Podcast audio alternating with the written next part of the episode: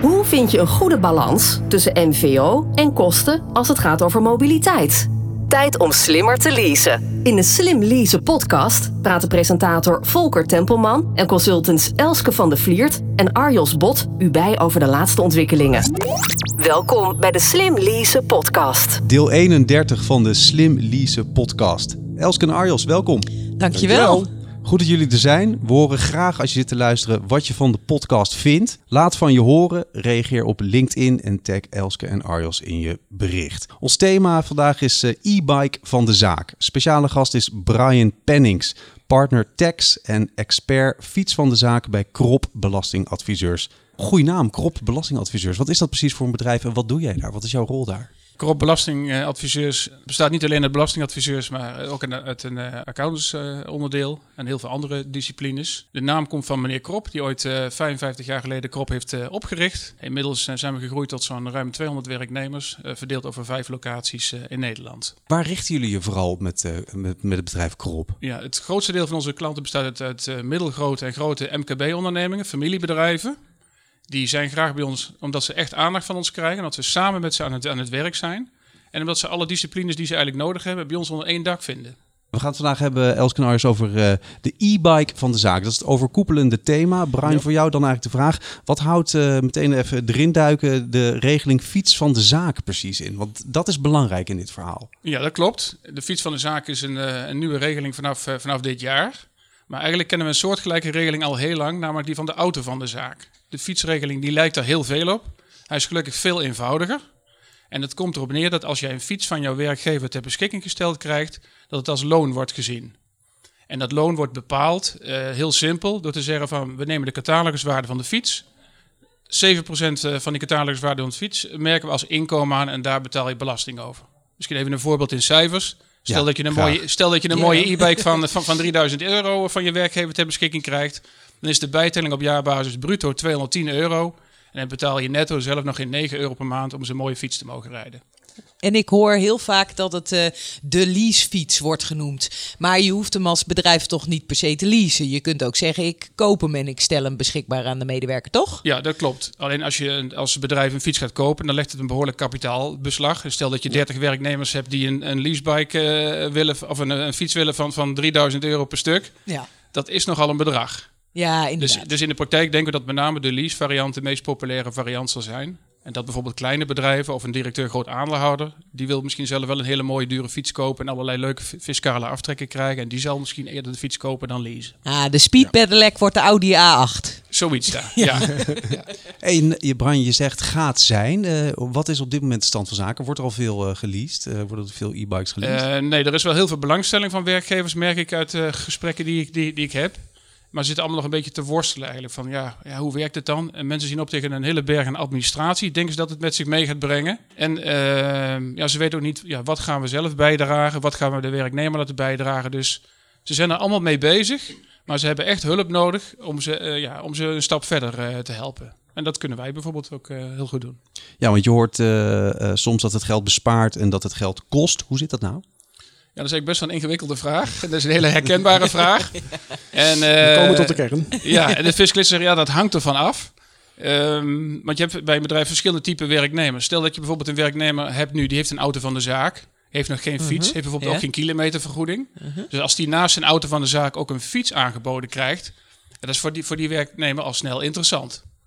Ja. Uh, maar stel dat je nu al een, fiets van, een eigen fiets hebt en je krijgt 19 cent per kilometer om naar het werk te komen. En dat, en dat budget zou je moeten inleveren in ruil voor een leasefiets. Dan kan het onder omstandigheden zo zijn dat je daar dan financieel slechter van wordt. Maar goed, ik ga ervan uit dat een werkgever daar goed over nadenkt en ook een som gaat maken. En als je graag wil dat alle werknemers van dezelfde regeling gebruik kunnen maken, is dat uh, iemand die nu al een eigen fiets gebruikt, dat hij er niet financieel op achteruit gaat. Dus dan kun je compenseren of een hoger budget geven aan mensen die nu al een eigen fiets hebben. Dat, dat, dat zijn allemaal mogelijkheden. Maar het is een kwestie van sommen maken. Heb je tips, uh, adviezen voor werkgevers in dit geval? Nou, je moet inderdaad inzichtelijk maken van wat voor een budget krijgt iemand nu die met een eigen fiets komt uh, per maand. Stelt iemand nu 150 euro per maand aan, aan, aan, aan reiskostenvoeding krijgt. Hoe ga je het dan, dan inkleden als je naar een, als je naar een leasefiets uh, over zou gaan? Ja, voor mij is toch in de praktijk, wat wij, het is inderdaad een heel actueel uh, hot thema. Hè? Onze buitendienst, uh, bij ieder gesprek gaat het weer over de fiets en de fiets van de zaak. Uh -huh. Bij Arval. Bij Arval. Ja. En wat je, wat je merkt is gewoon, ja, het is voor medewerkers super interessant. Iedereen, denkt- of nou niet iedereen, maar veel, ik, hey, een fiets en eh, vertel eens. Ja. Maar de hamvraag is natuurlijk, wie gaat die fiets betalen? Want per saldo Ja. is een e-bike kost echt wel een beetje geld. En als je dat voor heel veel medewerkers wil doen, ja, het is inderdaad, eh, het gaat heel hard in de bedragen. Ehm, dus die- dat is dus waar we denk ik nog even iets dieper op in moeten gaan. Van ja, wat zijn nou de scenario's hoe die fiets zeg maar er komt en gefinancierd dan wel betaald wordt? Ik heb, eh, ik heb vorige week een presentatie gegeven voor, voor werkgevers. En er kwam aan het einde een hele praktische vraag aan de orde. Wat kost zo'n fiets nou eigenlijk per maand? Ja. Ja. Kijk, als je, dat is een beetje Ja, ja, ja. in het verlengde wat jij net zegt. eh, ehm, ja, als je niet weet wat zo'n fiets per maand kost, ja, dan is het ook heel moeilijk van, ja, wat voor afspraken ga ik dan met mijn werknemer maken? Als je het bijvoorbeeld hebt over, over een e-bike van ongeveer 2500 euro en die ga je voor drie jaar leasen met inclu- inclusief verzekeringspakket en onderhoudspakket, dan ben je ongeveer 80 euro per maand kwijt. Over dat soort bedragen Ja, heb ja. je het dan. Ja. Nou, en eh, nou, er zijn heel veel leasemaatschappijen, Arval ook. Dan kun je heel snel met een calculator inzichtelijk maken van... oké, stel dat ik een fiets van 2500 euro wil gaan leasen... wat kost die me dan per maand? Nou, Ja, en, en ja. op basis van zo'n getal kun je dan verder sommen gaan maken als werkgever en werknemer. Dit is de Slim Lease podcast met Volker Tempelman, Elske van de Vliert en Arjos Bot. Maar je zou er volgens mij als bedrijf ook wel voor kunnen kiezen van... eh, dit deel van de medewerkers geef ik een fiets van de zaak. eh, of maak ik afspraken over de fiets van de zaak. En dit deel van de medewerkers die... eh, geef ik, eh, daar koop ik een fiets voor en die betalen ze terug als renteloze lening. En dit deel misschien uit de WKR. Er zijn hybride vormen, toch? Ja, dat, dat klopt. Oké. Alleen eh, werkgevers willen wel zo weinig mogelijk administratieve last. Dus het liefst willen Ja. ze één regeling voor alle werknemers. Ja, oké. En dat, Ja. dat, tenminste, dat is wel eens streven. En misschien Mhm. kan dat niet altijd, maar het is wel goed om daar zo dicht mogelijk eh, bij, bij te gaan blijven. Ja. En is dan de fiets van de zaak ook een betere regeling dan bijvoorbeeld eh, een fiets kopen en als renteloze lening eh, verstrekken, wat jou betreft? Ehm, Moeten we dat nog iets verder toelichten, wat het, wat, hoe dat Ja. scenario werkt? Zoals ik het begrijp, maar Brian eh, zegt het gerust dat het niet klopt. Je koopt als eh, werkgever de fiets, die geef je aan je medewerker en die betaalt hem eh, terug door bijvoorbeeld het inleveren van de reiskostenvergoeding. En eh, omdat de overheid dat eh, een goed idee vindt, hoef je daar ook geen rente over te betalen als eh, werknemer. Nou, het zit iets anders. Ah, Ehm, de, de, de werknemer die koopt de fiets zelf, maar Ah, ja. de, de werkgever maakt het financieel mogelijk. Want als de werkgever de fiets aan jou Ah, zou ja. geven, dan is het weer de, de, Ja, de volledige waarde van de fiets is dan loon. Maar inderdaad, dus, dus eigenlijk gaat een werknemer die loopt naar de werkgever toe, zegt ik heb een hele mooie fiets gezien, ik kom iets geld tekort, kun je hem even tijdelijk lenen? En dan gaat hij met, met die lening van de werkgever, koopt hij hem dan. En dan kan hij hem vervolgens af gaan lossen met de reiskostenvergoeding die hij die, die krijgt. Ja, en die start dan automatisch weer op, heb ik begrepen, als de fiets, of de lening, sorry, is afgelost. Dan heb je weer, vanaf dat moment heb je weer eh, je recht op je, of Ja. krijg, ontvang je weer je reiskostenvergoeding. ja, dat is correct. Wat zijn de meeste vragen die jij hierover krijgt in de praktijk? Nou, heel algemeen, wat zijn de mogelijkheden? Dus mensen, het is een nieuwe regeling, dus voor mensen is het helemaal nieuw. En op internet kun je allerlei dingen wel zien, maar nergens staat de complete eh, informatie bij elkaar. Nou, dat hebben wij inmiddels wel gebundeld, omdat we zien dat er gewoon heel veel vragen is bij werkgevers, maar ook bij werknemers. Ik krijg wel eens telefoontjes van werkgevers die zeggen, ja, ik heb nu werknemers gekregen, die zeggen, ja, ik wil een fiets van de zaak, maar hoe zit dat dan? Wat Ja. moet ik hiermee? Ja, wat moet ik hiermee? De regeling is op zich heel eenvoudig. Ehm, alleen je moet als werkgever ook wel over nadenken van... oké, wat voor budget wil ik daarvoor vrijmaken? Ik ga ervan uit dat zowel de werkgever als de werknemer ook intrinsiek gemotiveerd zijn. Dan zeggen we, nou, we willen een stukje bijdragen, een stukje du- duurzaamheid. Om, eh, ja. ja, om wat, wat groener eh, mo- mobiliteit te hebben. Vitaliteit. En vitaliteit. Ja. Ik bedoel, dat, dat zijn gewoon hele belangrijke pluspunten. Ja, ja. Het, de fiscaliteit is wat mij betreft maar een onderdeeltje. Want eh, gezondheid is veel belangrijker. En, eh, en ik heb ook eh, weet uit onderzoek dat als je regelmatig fietst, dat je ook slimmer wordt. Dus nou, Slimmer zelfs. ja, slimmer zelfs. Ja. Hoeveel IQ-punten kan ik scoren met fietsen? Ja, misschien hoe meer je fietst, hoe hoger Ja? je IQ wordt. Maar dat Ja. schijnt echt wetenschappelijk onderzoek te zijn. Dat, dat je, dat je Ik van hoop dat met traplopen net zo is. Wat goed. Ja, ja. Ja. Zijn er nog meer in dat van dat soort voordelen waar je in eerste instantie niet aan denkt? Ik vind het wel een hele mooie eigenlijk. Ja, dat je gewoon slimmer wordt ja. van, eh, van het fietsen Nou ja, inderdaad. maar wat misschien ook wel leuk is, wat we ook niet eh, onderbelicht eh, moeten, moeten laten zijn, is van, we hebben het over de fiets van de zaak. Maar die fiets die mag je ook gewoon privé gebruiken, onbeperkt privé. Die bijtelling die is gewoon 7%. Maar als jij eh, eh, op een werkdag of op een, eh, in het weekend gewoon heel veel wilt gaan fietsen, dan kan dat. En ook je gezinsleden mogen gewoon van die fiets gebruik maken. Je moet allemaal natuurlijk netjes die fiets gebruiken, moet natuurlijk netjes ingeleverd worden. Ja. Maar dus er zijn geen beperkingen aan het gebruik van zo'n fiets van de zaak. Worden er ook eisen gesteld aan de fiets? Kun je ook een racefiets of een mountainbike eh, eh, leasen Nou, vanuit de werkgever? Dat, zeg maar? dat, dat is een hele mooie vraag. Want Ja. iedereen heeft natuurlijk een, voorkeur voor een bepaald type fiets. Of het nou Ja. een oma-fiets is, of, zo'n, of, of een hele hippe fiets, of, een- of een racefiets. Of als je inderdaad in het weekend even de berg op wil, ja, eh, de leuke, leuke, op leuke- wil. ja, nou ja, of, of Ja. wat dichterbij. In mijn omgeving heb je de mooie Holteberg. Dus als je dan op de racefiets Ja. of de mountainbike eh, wilt, nou, dat, kan- dat kan allemaal. Dus die regeling geldt Ja. voor alle soorten fietsen. Oké. Oké. Ik- Oh, merk jij dat bij Arval, dat daar vragen over komen? Nee, niet naar alle soorten fietsen eerlijk gezegd. Nee. Het is wel een beetje zoals Brian eerder aangaf.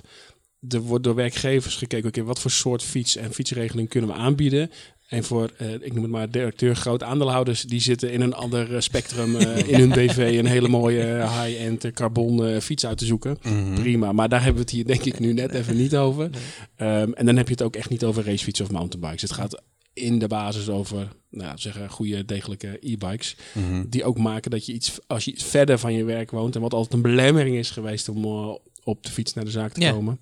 eh, dat dat prima kan. Hoe En- belangrijk is het ja. onderscheid eigenlijk tussen eh, elektrische fiets en eh, gewone fiets in dit hele verhaal? In principe is dat onderscheid er niet. Alleen de gedachte is natuurlijk, dat, wat Arjos net ook al zegt... als je de beschikking krijgt over een e-bike... dan gaan misschien meer, eerder meer mensen op de fiets naar hun werk. Als je op 5 kilometer van je werk woont... dan ga je met een gewone fiets dat al doen. Maar als je op 15 kilometer, dan, dan doe je dat niet. Dan is het wel prettig om een e-bike Je hebt wat minder last van tegenwind. eh, je hoeft wat minder eh, altijd te douchen als je aankomt op je werk. Eh, dat soort, Ja, dus het, Dat maakt het met de e-bike. eh, ja, je bent natuurlijk ook sneller trouwens. Het, maakt het allemaal Ja. net wat. Het, het haalt wat drempeltjes weg om Ja. eh, te gaan fietsen. Ja, en je ziet ook dat mensen die eenmaal een e-bike hebben, überhaupt meer gaan fietsen. Dat eh, de ritjes die ze eerder zeg maar, met de auto deden, dat ze die dan ook met de fiets gaan doen. Dus het, is, eh, het telt wel op. Dit is de Slim Lease podcast. Wat ik me nog wel afvroeg is, eh, nou dan krijg ik zo'n mooie fiets van de zaak. Dankjewel werkgever. En dan fiets ik gewoon nooit op naar mijn werk. Kan dat? Ja, want het kan. ja, nou, ja. Op, zi- op zich, eh, als je, je, je bedoelt dan dat je er alleen maar privé mee gaat rijden... dat je hem eigenlijk gewoon niet meer naar het werk komt. Ja, zeker als ik bijvoorbeeld al een leaseauto heb, hè. En dan, en dan zeggen, omdat het niet kostenverhogend mag werken, van nou, eh, je had een eh, leaseauto voor 30k, nu krijg je een leaseauto voor eh 27,5 en je eh, eh, doet nog een fiets voor 2,5. Ehm, nou, dan ga, blijf ik gewoon in die leaseauto rijden en heb ik gewoon een mooie fiets voor thuis. Want eh, wie moet ik per se zoveel kilometer maken? Of eh, hè, volgens mij niet namelijk. Dus hoe, hoe borg je dat als werkgever? Of, of hoe, ja, hoe wordt daarmee omgegaan? Nee, de, de, de, de wetgeving die schrijft niet voor dat je een x aantal dagen op die fiets naar, naar het werk Nee. moet komen. Alleen ik kan me voorstellen, misschien dat je werkgever zoiets heeft van, nou, het zou wel aardig zijn als je toch een aantal keer, want we hebben toch met elkaar bedacht dat het goed is dat we nou Ja. ook wel eens af en toe op de fiets naar het werk komen. Maar het strikt genomen wettelijk gezien hoeft Ja. het niet. Nee, inderdaad. Maar je moet dat dus, dus als je dat wil als werkgever, dan moet je dat nog inregelen en borgen, zeg maar, Ja. dat dat goed. eh, Ja. ja, maar je, Ja. je hebt geen wettelijke verplichting. Nee. Want dat was vroeger met het fietsplan Ja. eigenlijk wel zo, Ja. hè, dat, je, Ja. dat je op de fiets moest komen. Ja. Dus, ja, was dat zo? Kan je dat ja, heel kort ja. vertellen voor iedereen die het niet weet? Nou, toen was er nog fietsplan, dus dan eh, kon je tot 750 euro zeg maar ehm, eh, geven voor een fiets. Maar dan zat er wel een verplichting aan dat je uit mijn hoofd twee dagen minimaal in de week met die fiets naar het werk moest komen. Hoe ga je dat bijhouden dan? Moet Nou een ja, turven of eh, tag, een tag of een... ja. registratiesysteem Ja. bij kantoren. Ja, het is Ja. niet voor niks afgeschaft, hè? Nee, precies. Nee, de huidige regeling is in de basis een soort van compliment wel. Is wel echt Ja. heel simpel. Ja, Dat er aan de uitvoeringskant en hoe ga je het inregelen wat vraagstukken zijn. Maar de Ja. regeling aan zich Ja. is wel een van de meest eenvoudige eh, regelingen die er eh, Ja. überhaupt recent eh maar de, de- want waar ik nog wel... Want er zijn meer regelingen hè, voor de fiets. Dus we hadden het net al over die renteloze lening, BKR. Ook iets bruto netto. Zou je daar nog wat meer over, zeg Ja. maar, dat Ja. bedrijven opties hebben Ja, misschien? dat is wel een belangrijke regeling. Eh, en dan komen we in de zogenaamde cafetaria-regeling terecht. Ja? Ehm, er zijn soms werkgevers die alleen maar, zeg maar de, de leasefietsregeling willen faciliteren. En zelf bijvoorbeeld geen of een beperkte bijdrage willen geven. Ja? En dan kan het voor een werknemer toch interessant zijn. Want dan kan die zeggen van nou, ik zie de komende 36 maanden, stel dat dat de looptijd van een leasecontract is, Mhm. eh, afzien van een stukje bruto salaris. ja? En in ruil daarvoor betaalt de werkgever dan het leasebedrag aan de leasemaatschappij en krijg ik een fiets. Ah, ja. Dat betekent dus dat je dan een fiets koopt uit je bruto loon in plaats van dat je netto loon. Ja. En als je het allemaal doorrekent, hebben we wel gedaan, dat kan het wel zeg maar, over een periode van drie jaar ruim 25% voordeliger zijn ten opzichte van de aanschaf van de Oh. fiets in privé. Oké. Een, een belangrijk verschil is, als ik dat nog even mag aanvullen, is Ja. dat je bij leasen word je natuurlijk geen eigenaar van de fiets, want het is Nee. eh, ja, operational lease, je huurt de fiets als het ware. Ja. Maar in het leasecontract is wel opgenomen dat je aan het einde van de looptijd Vaak tegen Mhm. een aantrekkelijke eh, bedrag, vaak 15% van de aanschafwaarde, dat je de fiets over mag nemen. Oh ja. Dus dat hebben we allemaal doorgerekend. En Ja. dan zou je nog per saldo ruim 25% goedkoper uit zijn ten opzichte van wanneer je zo'n fiets in privé zou kopen. En ehm, werkt dat dan dus net als die eh, renteloze lening, dat ik wel als werknemer eh, dat leasecontract aanga, maar de werkgever betaalt? Of gaat de werkgever hem dan aan?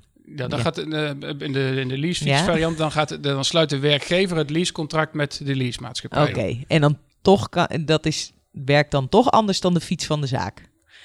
Nee, dat, hoort dan bij de, dat is, dat wordt dan toch als een fiets van de zaak aangemerkt. Oké, Omdat de werkgever om jou ter beschikking Ja, stelt. inderdaad. En niet de leasemaatschappij. Nee.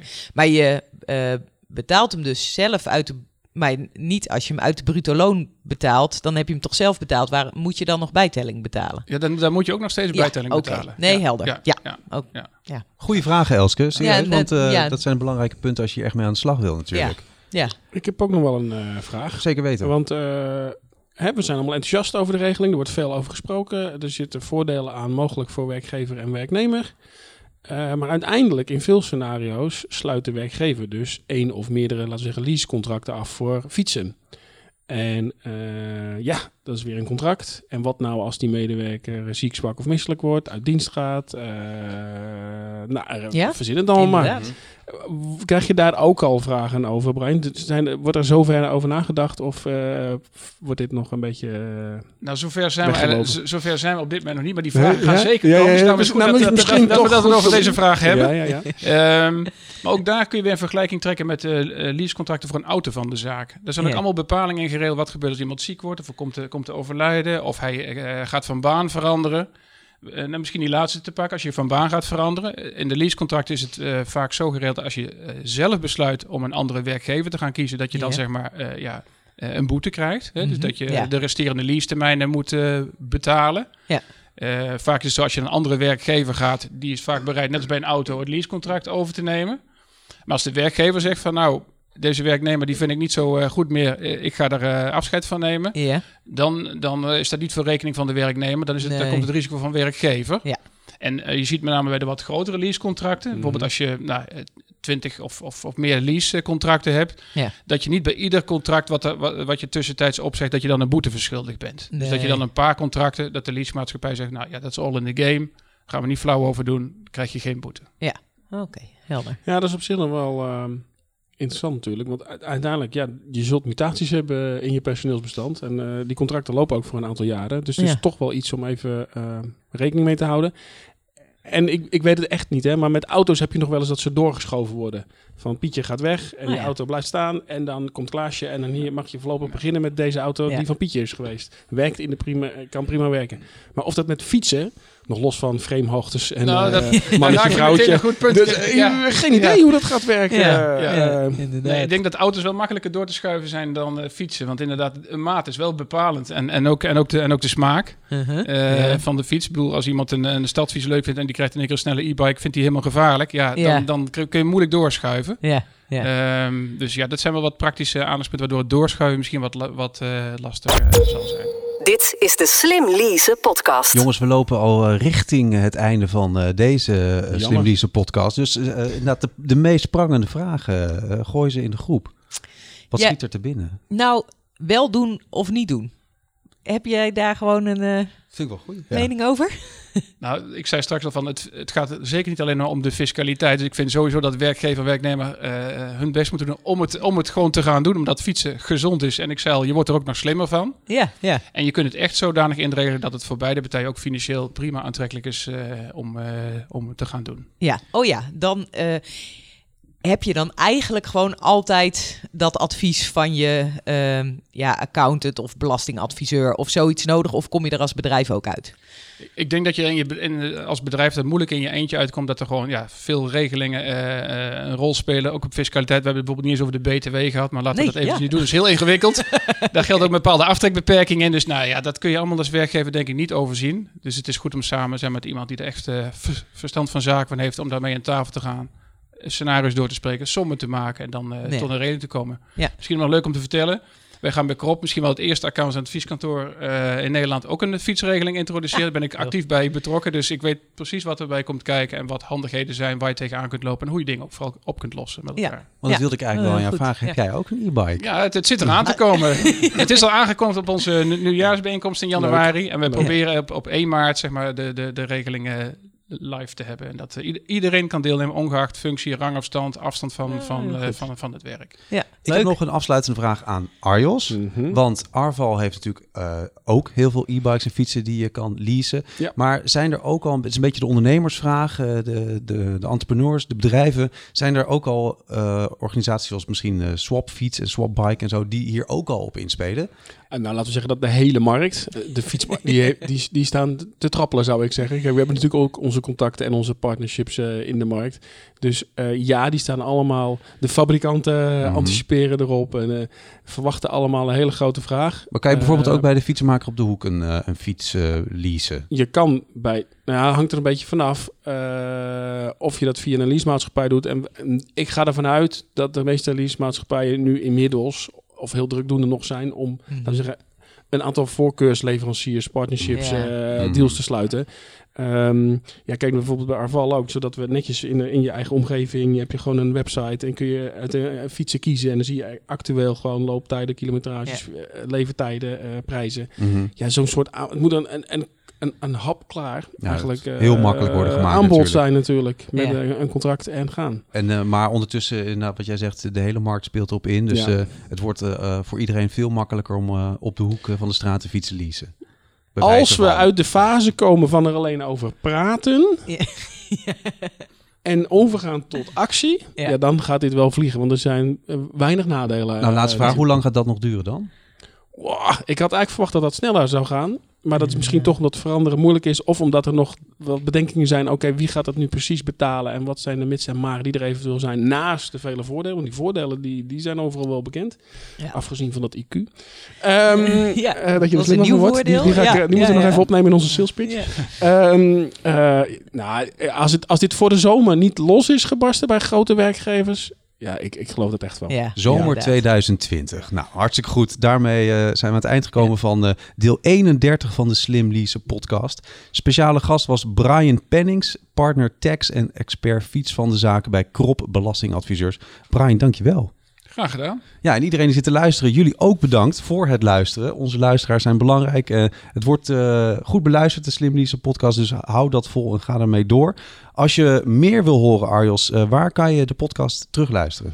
Op slimleasepodcast.nl ja, en we horen graag wat je van de podcast vindt. Laat dus vooral van je horen. Dat kan bijvoorbeeld uh, op LinkedIn. Reageer op LinkedIn op uh, onze berichten en tag Elske en Arjos in je bericht. Maar je kan ook mailen bijvoorbeeld, want uh, waar ben jij bijvoorbeeld te bereiken, Arjos? Arjos is te bereiken op arjos.bot.arval.nl En op LinkedIn uh, natuurlijk op LinkedIn. ook, ja. En jij ook, uh, Elske? Op LinkedIn zeker. En van de vliert.zero-e.nl Hartstikke goed. Nou, Brian, jij dan ook? Mogen we jou mailen? of op LinkedIn of beide? Ja, LinkedIn kan. En je kunt hem ook mailen naar bpennings.krop.nl. En krop is met een C. Hartstikke goed. Nou, we gaan uh, discussiëren. We gaan uh, alles op uh, social volgen en daarmee door. In de volgende podcast meer over de e-bike van de zaak. René van de Wetering, manager back-office Vierstroom Zorg Thuis, is daarbij te gast. Tot dan. Tot zover deze aflevering van de Slim Lease podcast. Zorg dat je op de hoogte blijft van alle ontwikkelingen op het gebied van zakelijke mobiliteit. En luister ook naar de volgende aflevering.